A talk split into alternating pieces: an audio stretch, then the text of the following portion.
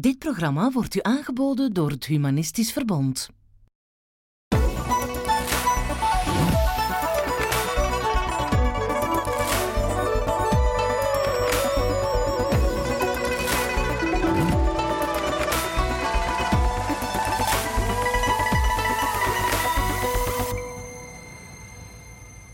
Welkom bij een nieuwe Helder Verlicht.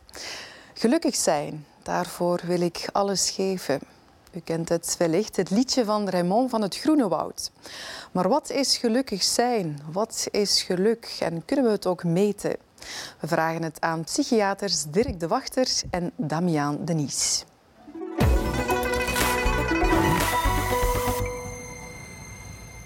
Welkom heren. Ik ga meteen met de deur in huis vallen, meneer De Wachter. Ik zei het er juist ook, geluk, wat is dat nu? Wat is dat volgens jou? Volgens mij heeft dat te maken met het gevoel van goed in het leven te staan. Het gevoel van het leven heeft zin. Ik denk dat dat belangrijk is. Het gevoel, je, je kunt ergens betekenis leven. hebben voor de anderen. Het, voor mij heeft het ook altijd te maken met samenleven.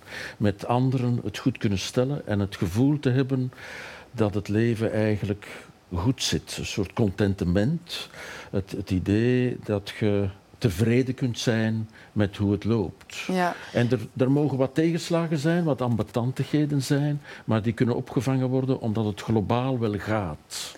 Is dan tevredenheid hetzelfde als gelukkig zijn? Ik vind tevredenheid een betere omschrijving. Dan gelukkig dat, zijn. Dat vind ik fundamenteler zo. Vrede met het bestaan, zo mag het zijn. Ja. Zoiets. Omdat geluk is dikwijls uh, iets dat fantastisch is. Uh, leukigheid, zeg ik dan, plezantigheid. En dat mag, hè. dat is, is niks op tegen, maar ik denk dat. Is het, het toch ook gegrepen geluk, of zo dan, om constant ja, gelukkig te zijn? Het, het, heeft iets oppervlakkig dan zo. Ah, Plezantigheid ja. mag, maar de fond van de zaak is eigenlijk tevredenheid met hoe het gaat. Verbonden zijn, betekenisvol zijn, al dat soort van ingewikkelde dingen, ja. denk ziet, ik. Ziet u dat ook zo? Uh, ja, min of meer wel. Misschien niet letterlijk, maar uh, ik kan er wel in grote lijnen uh, ja, absoluut mee eens zijn. Ik denk nog een woordje dat ik zou willen aanvullen is harmonie. Een soort van harmonie mm -hmm. tussen uzelf en wie je wil zijn, tussen de wereld waarvan je denkt dat die is en die in werkelijkheid is. Dus een soort van samenvallen van dingen, uh, mm. op zijn plek vallen. En ik ben ja, uh, mee eens dat tevredenheid eigenlijk, of het gevoel van met iets vrede nemen, ook accepteren, aanvaarden, een veel uh, reëler manier is om geluk te beschrijven dan geluk zoals je dikwijls in de, in de lot, bij de lotto ziet. Hè? Dus op zo'n schip varen met een cocktail op de Caraïben. Dat is wat uh, heel dikwijls wordt gezien als een ja, soort overal, van... Een consumptieachtig geluk, ja. zo, dat te koop zou zijn, dat betaalbaar zou zijn, met fantastische reizen en, en evenementen en ik weet niet wat. Dat mag allemaal, laat dat duidelijk zijn. Mm -hmm. Maar het ware geluk zit daar niet. Het Nee. ware geluk zit in rustig in de zetel zitten met uw lief en zeggen, ah wel ja, het is goed. Het is niks op tv, maar we zijn hier goed samen. Ja. Is het eigenlijk de maatschappij die dat dan uh, die spiegel een beetje voorhoudt van dit is gelukkig zijn, dit moet je hebben of zijn om gelukkig te Ik denk zijn, het wel. Ik denk dat onze consumptiemaatschappij, onze, ja, dat die een, soms een beetje gevrongen gevoel van geluk voorspiegelt. Waardoor, en dat, want anders zullen ze zeggen, het kan geen kwaad, maar waardoor veel mensen wat ongelukkig zijn. Omdat ze denken, ik kan niet drie keer per jaar op reis, dus ik voel me niet goed. Ja. Dat lijkt me toch... We vergelijken te veel. Uh, vergelijken met, wat bedoelt u daarmee? Hè, want ik kan niet drie keer hè, op reis gaan, die anderen kunnen op reis gaan. Hè. De maatschappij toont ons van op reis gaan, hè, is gelukkig zijn. Vergelijken we te veel met anderen? Ja, ik denk deels. Maar kijk, mensen, er wordt natuurlijk, als je geboren wordt, er is geen handleiding bij het leven. En uh, er wordt een soort van opdracht dat je, mensen gelukkig moeten worden. Dat is heel algemeen, bestaat al duizenden jaren. Mm -hmm. Maar wat is dat gelukkig worden? En gelukkig worden en blijven, dat is blijkbaar voor iedereen een centrale gedachte. Ja, het is dus makkelijk inderdaad in een consumptiemaatschappij om mensen voor te schotelen dat de aanschaf van producten dat geluk zal geven. Dus het is een grote motivator voor gedrag en voor het aankopen van allerlei middelen.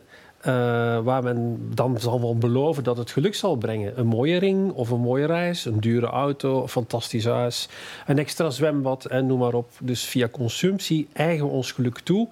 Maar het, interessante is dat dat nooit heel lang duurt. Dus het heeft er eigenlijk ook niet zo heel veel mee te maken. Nee. Nee, maar er is een nee. minimum nodig. Hè. Want altijd, De er is een minimum aan materiële welstand nodig om, om te kunnen, Ja, maar dat goed te minimum kunnen is leven. veel lager Maar dan veel lager dan Ja. wat u noemt. Absoluut, Vindt u het echt, ja. echt nodig? Want als we kijken naar, naar vroeger, zeer, zeer vroeger, misschien zelfs de oermensen of zo. Ja, daar Ehm, hebben we zijn- weinig metingen van natuurlijk. hè. Ja, als we het zo dan, eh, Ja, dan zien. Maar, we- maar stel dat je basisbehoeften niet eh, vervuld zijn, ik zeg maar iets. Hè. Je moet op zoek gaan naar, naar eten. Hè. En van het moment dat je dat Ja. eten dan, dan Dat hebt, is wat hè, ik bedoel. je... Ja. Ik denk dat het een al te romantisch idee is om te zeggen van de arme mensen of de mensen die, die zijn even gelukkig. Of zo, dat, ik denk het niet. Er is een minimum aan materiële omgeving nodig om, om te kunnen genieten van het leven. Ja. Dat denk ik wel. Want- Maar ook een maximum. Hè? Maar want absoluut dus, ook een maximum, eh, ja, ik- zeker. volgens mij er is ook, er zijn veel studies naar gedaan. ja.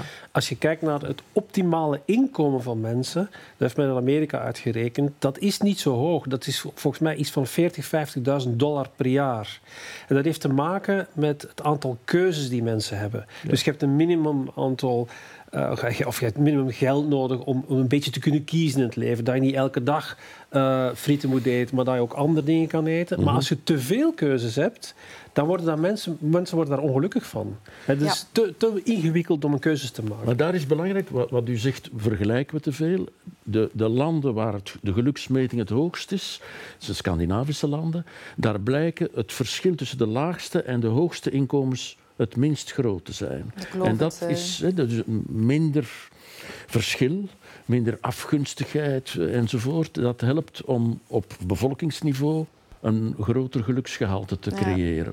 Is dat ook zoiets, jal- jaloezie? Hè? Kan dat Oh, er ook dat eh, voor, zorgen maken. Ja, dat je Ja, ja, minder eh, gelukkig eh, Ja, en bent? anderzijds, Finland, eh, dat is het land dat hoogste scoort op de World Happiness Index. Ja, ja. Hoogste aantal suicides, zelfmoorden. Ja, ja, ja.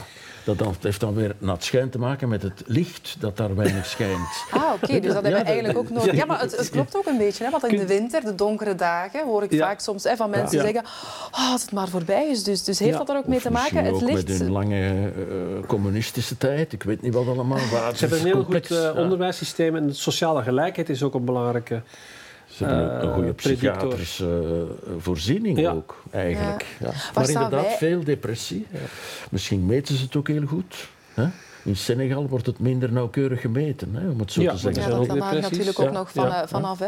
Waar staan wij eigenlijk eh, bij de ranking van de gelukkigste landen? Een beetje tussenin zo. Nederland staat vijfde en België twaalfde, denk Ja, ik. ja, ja, ja. we- de Nederland Nederlanders doen het weer vijfde beter. en wij Ja. twaalf. Wij Dat is doen het gemiddeld zo, zo Ja. matig, zo echt typisch Belgisch zo. We zitten zo niet bij de beste, maar ook niet bij de, bij de slechtste, zo wat, wat Ja. tussenin. Nee, maar dat is goed, hè? Wow, dat Hè? is een comfortabele positie eigenlijk. Tevreden zijn en zoals u daarnet We zegt, peloton content zo'n zijn, het, gemiddelde.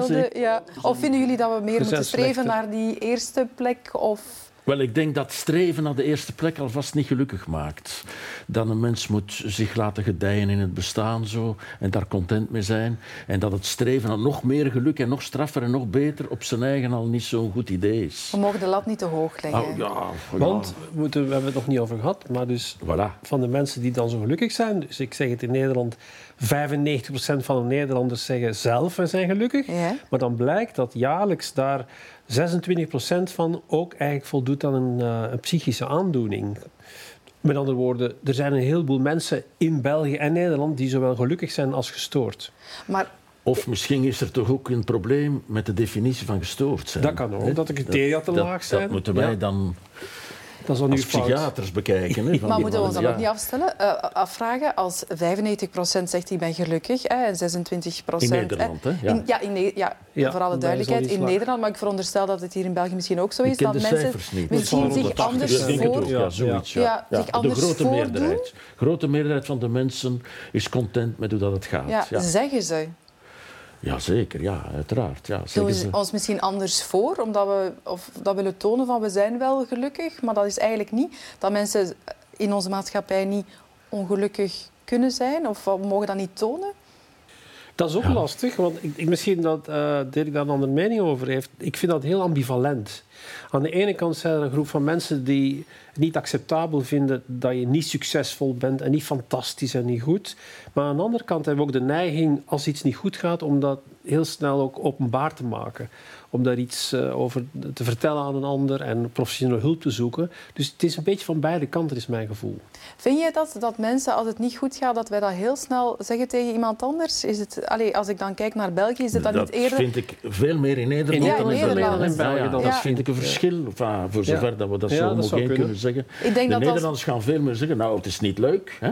Terwijl de Vlaming slikt het in, kijkt naar de grond en doet voort. Ja, hè? hoe gaat het met dat... jou hè, vandaag? Goed. Sava, hoe? Terwijl goed. dat het eigenlijk innerlijk misschien niet is. Is het misschien beter dat ja, we ja, dus toch als men aan mij van... vraagt, nu, ik, ik ben zelf, ik heb, dat kan ik wel een beetje vertellen, zelf uh, medisch heel, uh, ik heb een heel slechte toestand. Ja? Dus als men vraagt aan mij hoe gaat het, dan antwoord ik altijd met een quote van Gerard Reven uit de avonden. Dan zeg ik, het gaat slecht.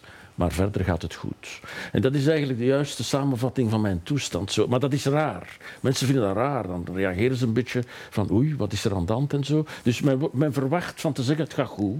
Ja. Punt. Hè? En dan gaan we naar een ander onderwerp zo.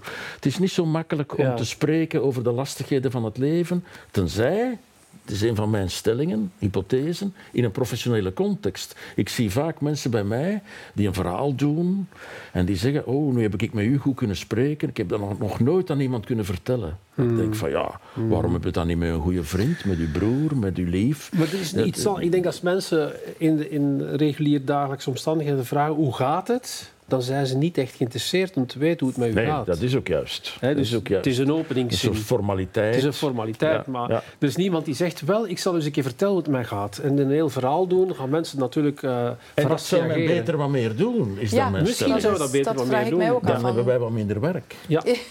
Dat is misschien... We hebben als te jullie, veel werk, hè? Ja, Voilà, ja, als jullie te veel geen- werk hebben, ja. is het natuurlijk Er zijn goed. overal Maar- maar- wachtlijsten. Dat is het probleem natuurlijk. Hè, dat er overal wachtlijsten zijn. En het gevaar, dat denk ik dat u ook vindt, dat de mensen die het heel erg nodig hebben, mensen met heel ernstige psychiatrische problemen, dat die dan achteraan de wachtlijst, wachtlijst ja. komen. En dat er daarvoor mensen met gewone problemen, die ik ook wel graag te woord sta hoor, ik wil die niet afwijzen, maar dat, dat er een onevenwicht komt in de hulpverlening, dat Ja. is een maatschappelijk probleem. Ja. Maar kunnen wij het budget is beperkt. Hè? Ja? Ja. Kunnen wij mensen, andere mensen daar ook mee helpen? Hè? Want jullie als psychiater, dat is ja, een, een beroep voor gestudeerd en zo. Lukt het dan, hè, niet met de zwaardere problemen, maar dat wij mensen elkaar dan helpen? Om, Ik hoop om... van wel natuurlijk. Ik hoop Dat- dat, als we een beetje zorgzaam zijn. met elkaar omgaan en aandachtsvol met elkaar omgaan, dat het voor vele mensen beter zou zijn. Ook voor de mensen met ernstige problemen overigens. Hè. Ja, Eh, gewoon het een is niet omdat je psychiatrische zorg nodig hebt, dat je in, in de maatschappij geen, geen goede bejegening kunt gebruiken. Dat, Nee. eh, dat, is- ja, het is waar ik mee bezig ben. Ik ben een systeemtherapeut. Hè. Dat wil zeggen dat ik altijd de, de problemen van mensen zie in een bredere context. En dat ik in mijn hulpverlening, bijvoorbeeld bij mensen met psychose, gevoeligheid, probeer in, in de stad of in het dorp een structuur te creëren waar die mensen dan een plek hebben, waar zij terecht kunnen, waar ze hè, tussen andere mensen ook eh, verbonden zijn. Dat, dat vind ik wezenlijk voor mijn werk. Ja? Ja. Eh, dus het is voor iedereen goed als we een beetje meer aandacht voor elkaar zouden hebben. Klinkt een beetje, een beetje Maar voor ons, voor zo, ons gelukkig zijn. als we ja. terugkijken naar eh, geluk, ons eigen geluk, hangt dat ook af van anderen? Of is het ons geluk dat we zelf moeten maken? Ehm, ik denk dat het geluk voor 100% van eh, anderen afhangt. Er is geen enkel mens die in een geïsoleerd bestaan gelukkig kan zijn. En dat komt omdat een groot stuk van het geluk zit hem in de mogelijkheid om je eigen geluk met anderen te delen.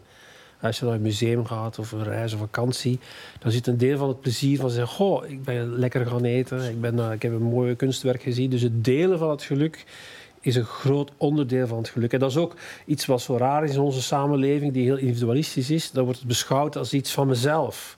Maar het is eigenlijk iets wat deelachtig is aan iedereen. Ja, heb je mensen nodig om gelukkig te zijn? Dus? Ja, wij zijn sociale wezens. Ja. Dat is eigen aan de mens. Dat is wezenlijk aan de mens. Wij zijn omdat we met anderen zijn. En omdat we inderdaad plezante dingen, maar ook, als ik dat mag aanvullen, de minder prettige dingen. Dat is een heel rare paradox, maar als je iets lastig hebt, een medisch probleem of een, een verdriet of zo, dat kunnen delen met iemand, dat geeft daarom geen gevoel van geluk in de plezante zin van het woord, maar wel een gevoel van verbinding, van liefdevolheid, van zorgzaamheid en is eigenlijk mooi. Ja. Dus ook de lastigheden van het leven kunnen daarin opgenomen worden. Als ze gedeeld worden, hè, gedeelde smart is halve smart, zegt men zo, maar ik denk dat zelfs nog, nog veel minder dan de helft is eigenlijk. Het delen van lastigheden is eigenlijk de, de definitie van vriendschap en van liefdevolheid. Ja, niet alleen van het lastige, maar misschien ook het mooie, maar dus vooral Ja, maar de het delen beide, met el- ja, ja, ja, ja. elkaar en de, de verbinding. Ehm, dat brengt mij dan op het, hè, als u zegt van eh, eh, verbinding, kunnen we dan stellen dat, dat eh, koppels gelukkiger zijn dan singles? Dat is niet zo, hè? Nee, helaas. nee. Dat heeft, heeft men aangetoond. Ja, het is ingewikkeld. Singles zijn gelukkiger. Vrouwen zijn meestal ongelukkiger. En hoe komt dat? relatie. Mannen gelukkiger. Dus vrouwen doen er beter aan eigenlijk om alleen te blijven of voor zichzelf te zorgen. En hoe komt dat? Leggen wij de lat te hoog dan of zo? Of, Er is eh, een verschil in, in gender eh, als het gaat om de geluksbeleving binnen een relatie. Ja. Het is anders bij mannen dan bij vrouwen. Ja. Zo, ja. En dat heeft- dat zo- heeft Dat dus- mannen dus- profiteren van vrouwen, zou je kunnen zeggen. En de vrouwen eigenlijk hebben last van de mannen. Ja, ja. En dat is in scholen ook. Als je me- meisjes en jongens bij elkaar zet, Ja, ja, en dat dan is gaan grosso modo eigenlijk iedereen het slechter doen. En hoe komt dat omdat wij elkaar niet begrijpen als man-vrouw? Dat daar... Ik denk dat eh, traditionele rollen zijn, dat is lastig in een woke-cultuur om daar uitgesproken over eh, te zijn, maar dat moeten we soms misschien wel doen. Eh, er is een, vrouwen zijn wat zorgzamer, denk ik, steunender.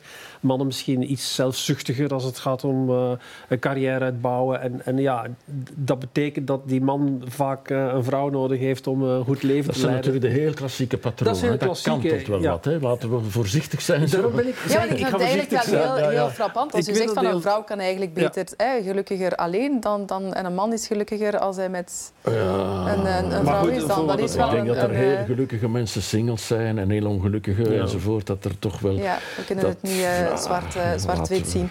Ook de Ehm, homoseksuele relaties, hoe, hoe, hoe krijgen die dan plaats in die, Ja. in, in die Ja, maar dat is dingen? hè? onafhankelijk van Ja. seksuele voorkeur. Daar Ja. gaat het niet om. Hè. Ja, maar dat om- zijn twee mannen bedoel Ja. ik. Ja. En- of twee vrouwen. Dat is waar, Dus, ja. dus Ja. oh, ik denk dat...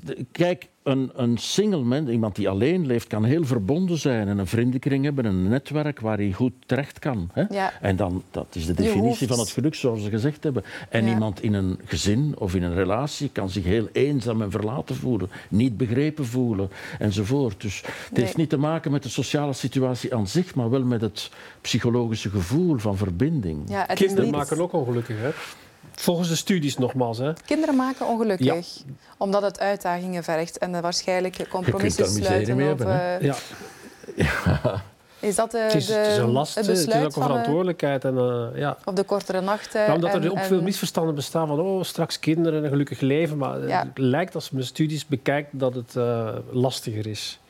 Ah, en Ja. hoe zou je dat dan kunnen, kunnen aanpakken? Omdat ja, er dat dus het- veel verantwoordelijkheid mee gepaard gaat. Hè? Dus Ja, de rest van is- je leven zul je moeten voor iemand zorgen. Je hebt er natuurlijk het genot ook van, maar het is ook En de wel... wel- lastigheden van het leven worden, ge- eh, worden uitgebreid. Niet alleen uw eigen gezondheid of, of lastigheden, maar ook die van uw kinderen, waar dat je je verantwoordelijk in voelt. Ja. Goed, van de andere kant, een liefdevolle band met uw kinderen, met, eh, met, hè, dat- dat geeft dan toch weer nabijheid. Ja, Hebben wij misschien soms... voorzichtig zijn om...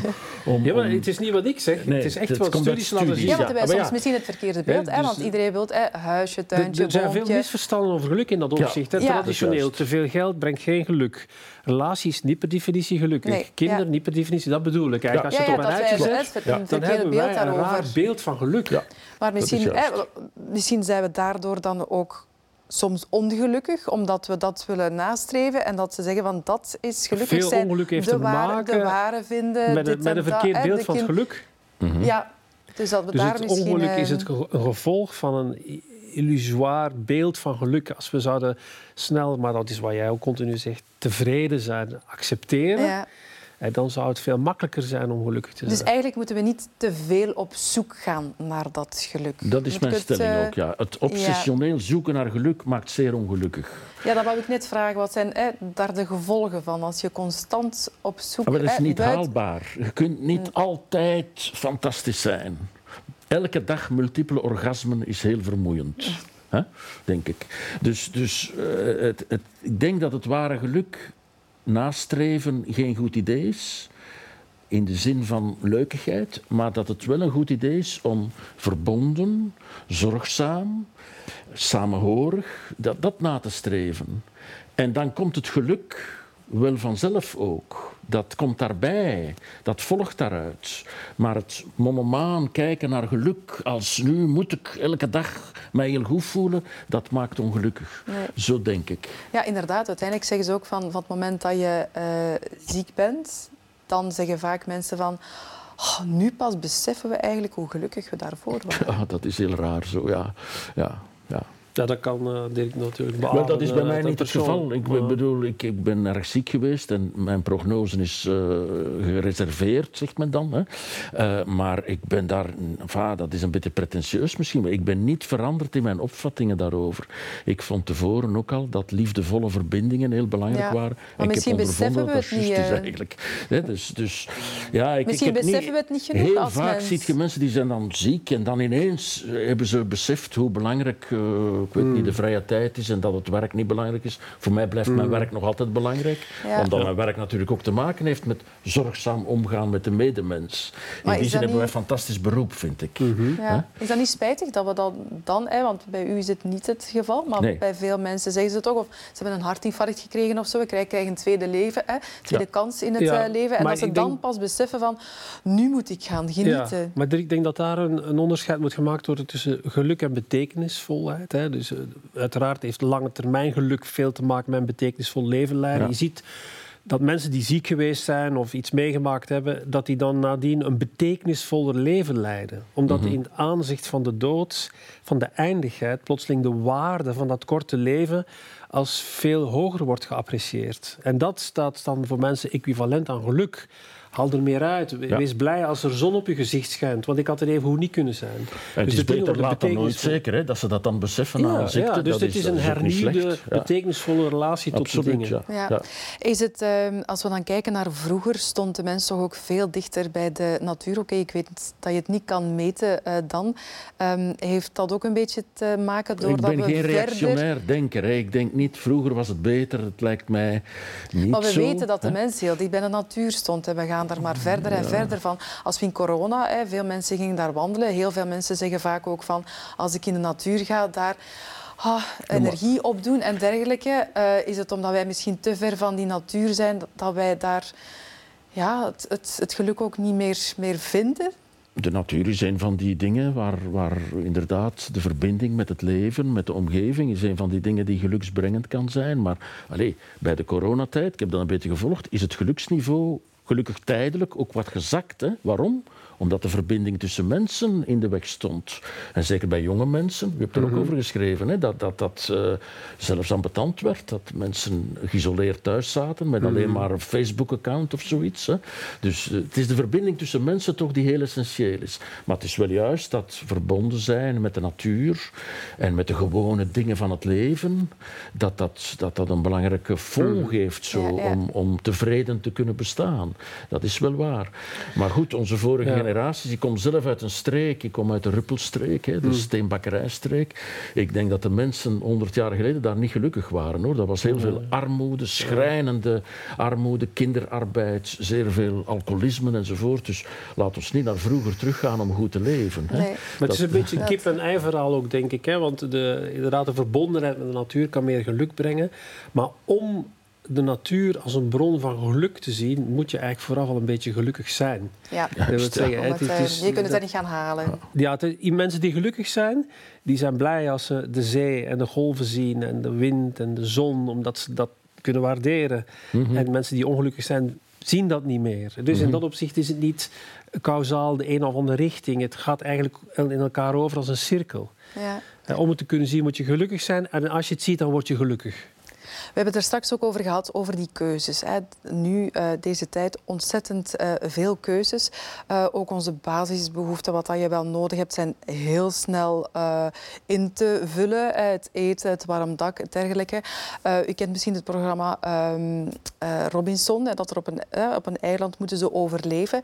En daar wordt eigenlijk gewoon niet stilgestaan van ben ik gelukkig of, of niet. Eigenlijk meer bezig met die basisbehoeften.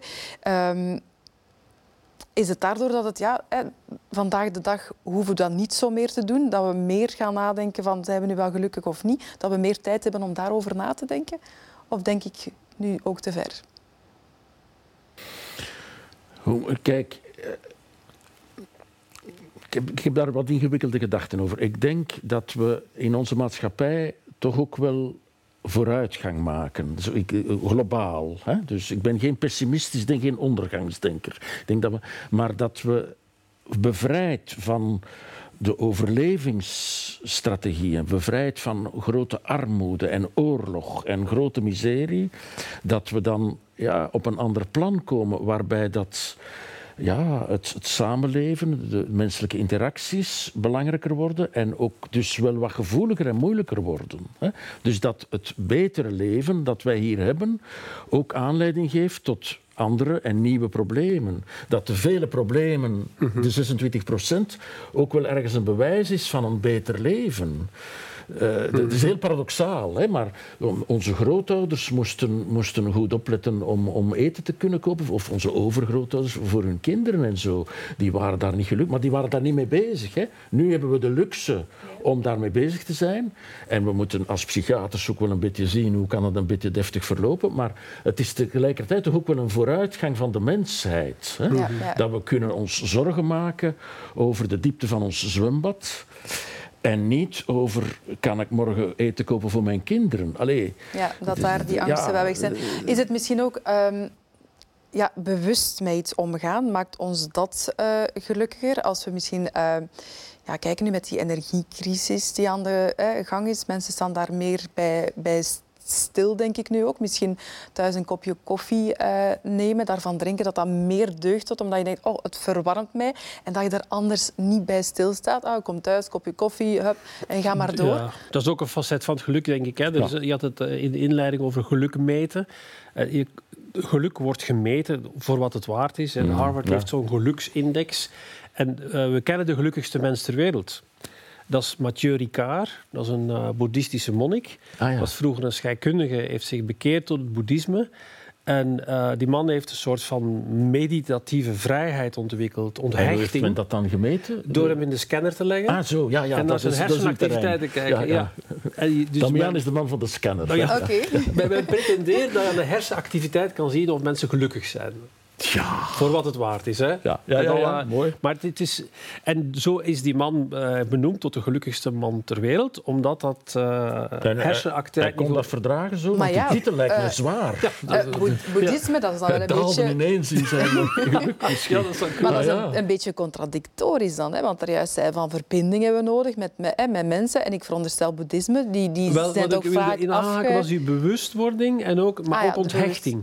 Ah, Dus het niet nodig hebben van dingen. Dus meditatie Van heeft ook iets te materiële maken dingen, van materiële ja. dingen. Ja. Ja. niet liefde, maar materiële dingen. Dus eh, als je dat kan relativeren eh, en inderdaad heel bewust kan omgaan met bepaalde dingen, dat, dat schept een andere relatie tot de wereld. Maar dat ont, ontziet je niet van de behoeften van anderen. Daar gaat het niet om. Nee, nee. Maar de Mhm. materialiteit waar wij ons mee omringen, de diepte van het zwembad en de prijs van onze wagen, dat is- dus als je daar onthecht van bent, maakt dat je vrijer Mhm. Ja, dan dat je het verlangen hebt om dat Absoluut, eh, ja. te gebruiken. te.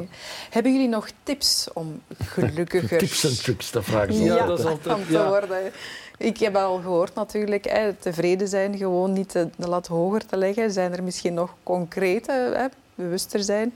Of Maar zeggen daarbij jullie van daar... eh, ik, heb, ik heb geen tips. Ik vind het eigenlijk moeilijk om, om geluk met tips te, te bereiken. Maar, maar Het is ook afhankelijk van de ene persoon ten opzichte van een aandachtig andere zijn waarschijnlijk. voor de, voor de evidente kleine dingen van het leven. En, en daar ja, wat minder slordig leven. We leven eigenlijk heel slordig. We gaan voorbij aan alles en we kunnen wat aandacht hebben voor de schoonheid van Hmm. de natuur, bijvoorbeeld. Mhm. hè.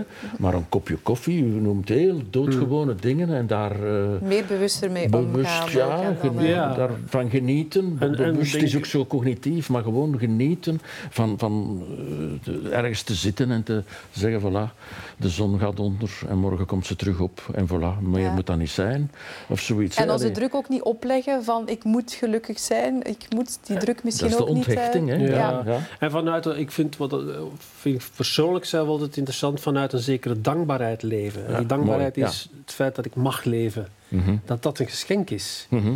dat je dus elke, elke dag mag je dat openmaken. Ja, En- helemaal akkoord. En, en dan, dan, dan ga je zien dat de betekenis toeneemt. Eh, als je meer vanuit het perspectief van dankbaarheid denkt, van, in de plaats van ik heb daar recht op. Ja, ja, ja. Mhm. Een laatste vraag. Zijn jullie gelukkig? Toch wel, ja. Toch wel? Ja, dat mag ik Ja, wel zeggen. Ja. Absoluut. Fijn om te horen. En eh, misschien een, ja, die verbinding, ik kan het u zeggen, eh, zo praten over geluk, dat helpt ook al. Dank je wel voor, eh, voor dit gesprek. Graag gedaan. Graag En gedaan. u thuis heel erg bedankt voor het kijken ook. En ik wens u alleszins ook alle geluk toe. Heel graag tot een volgende keer.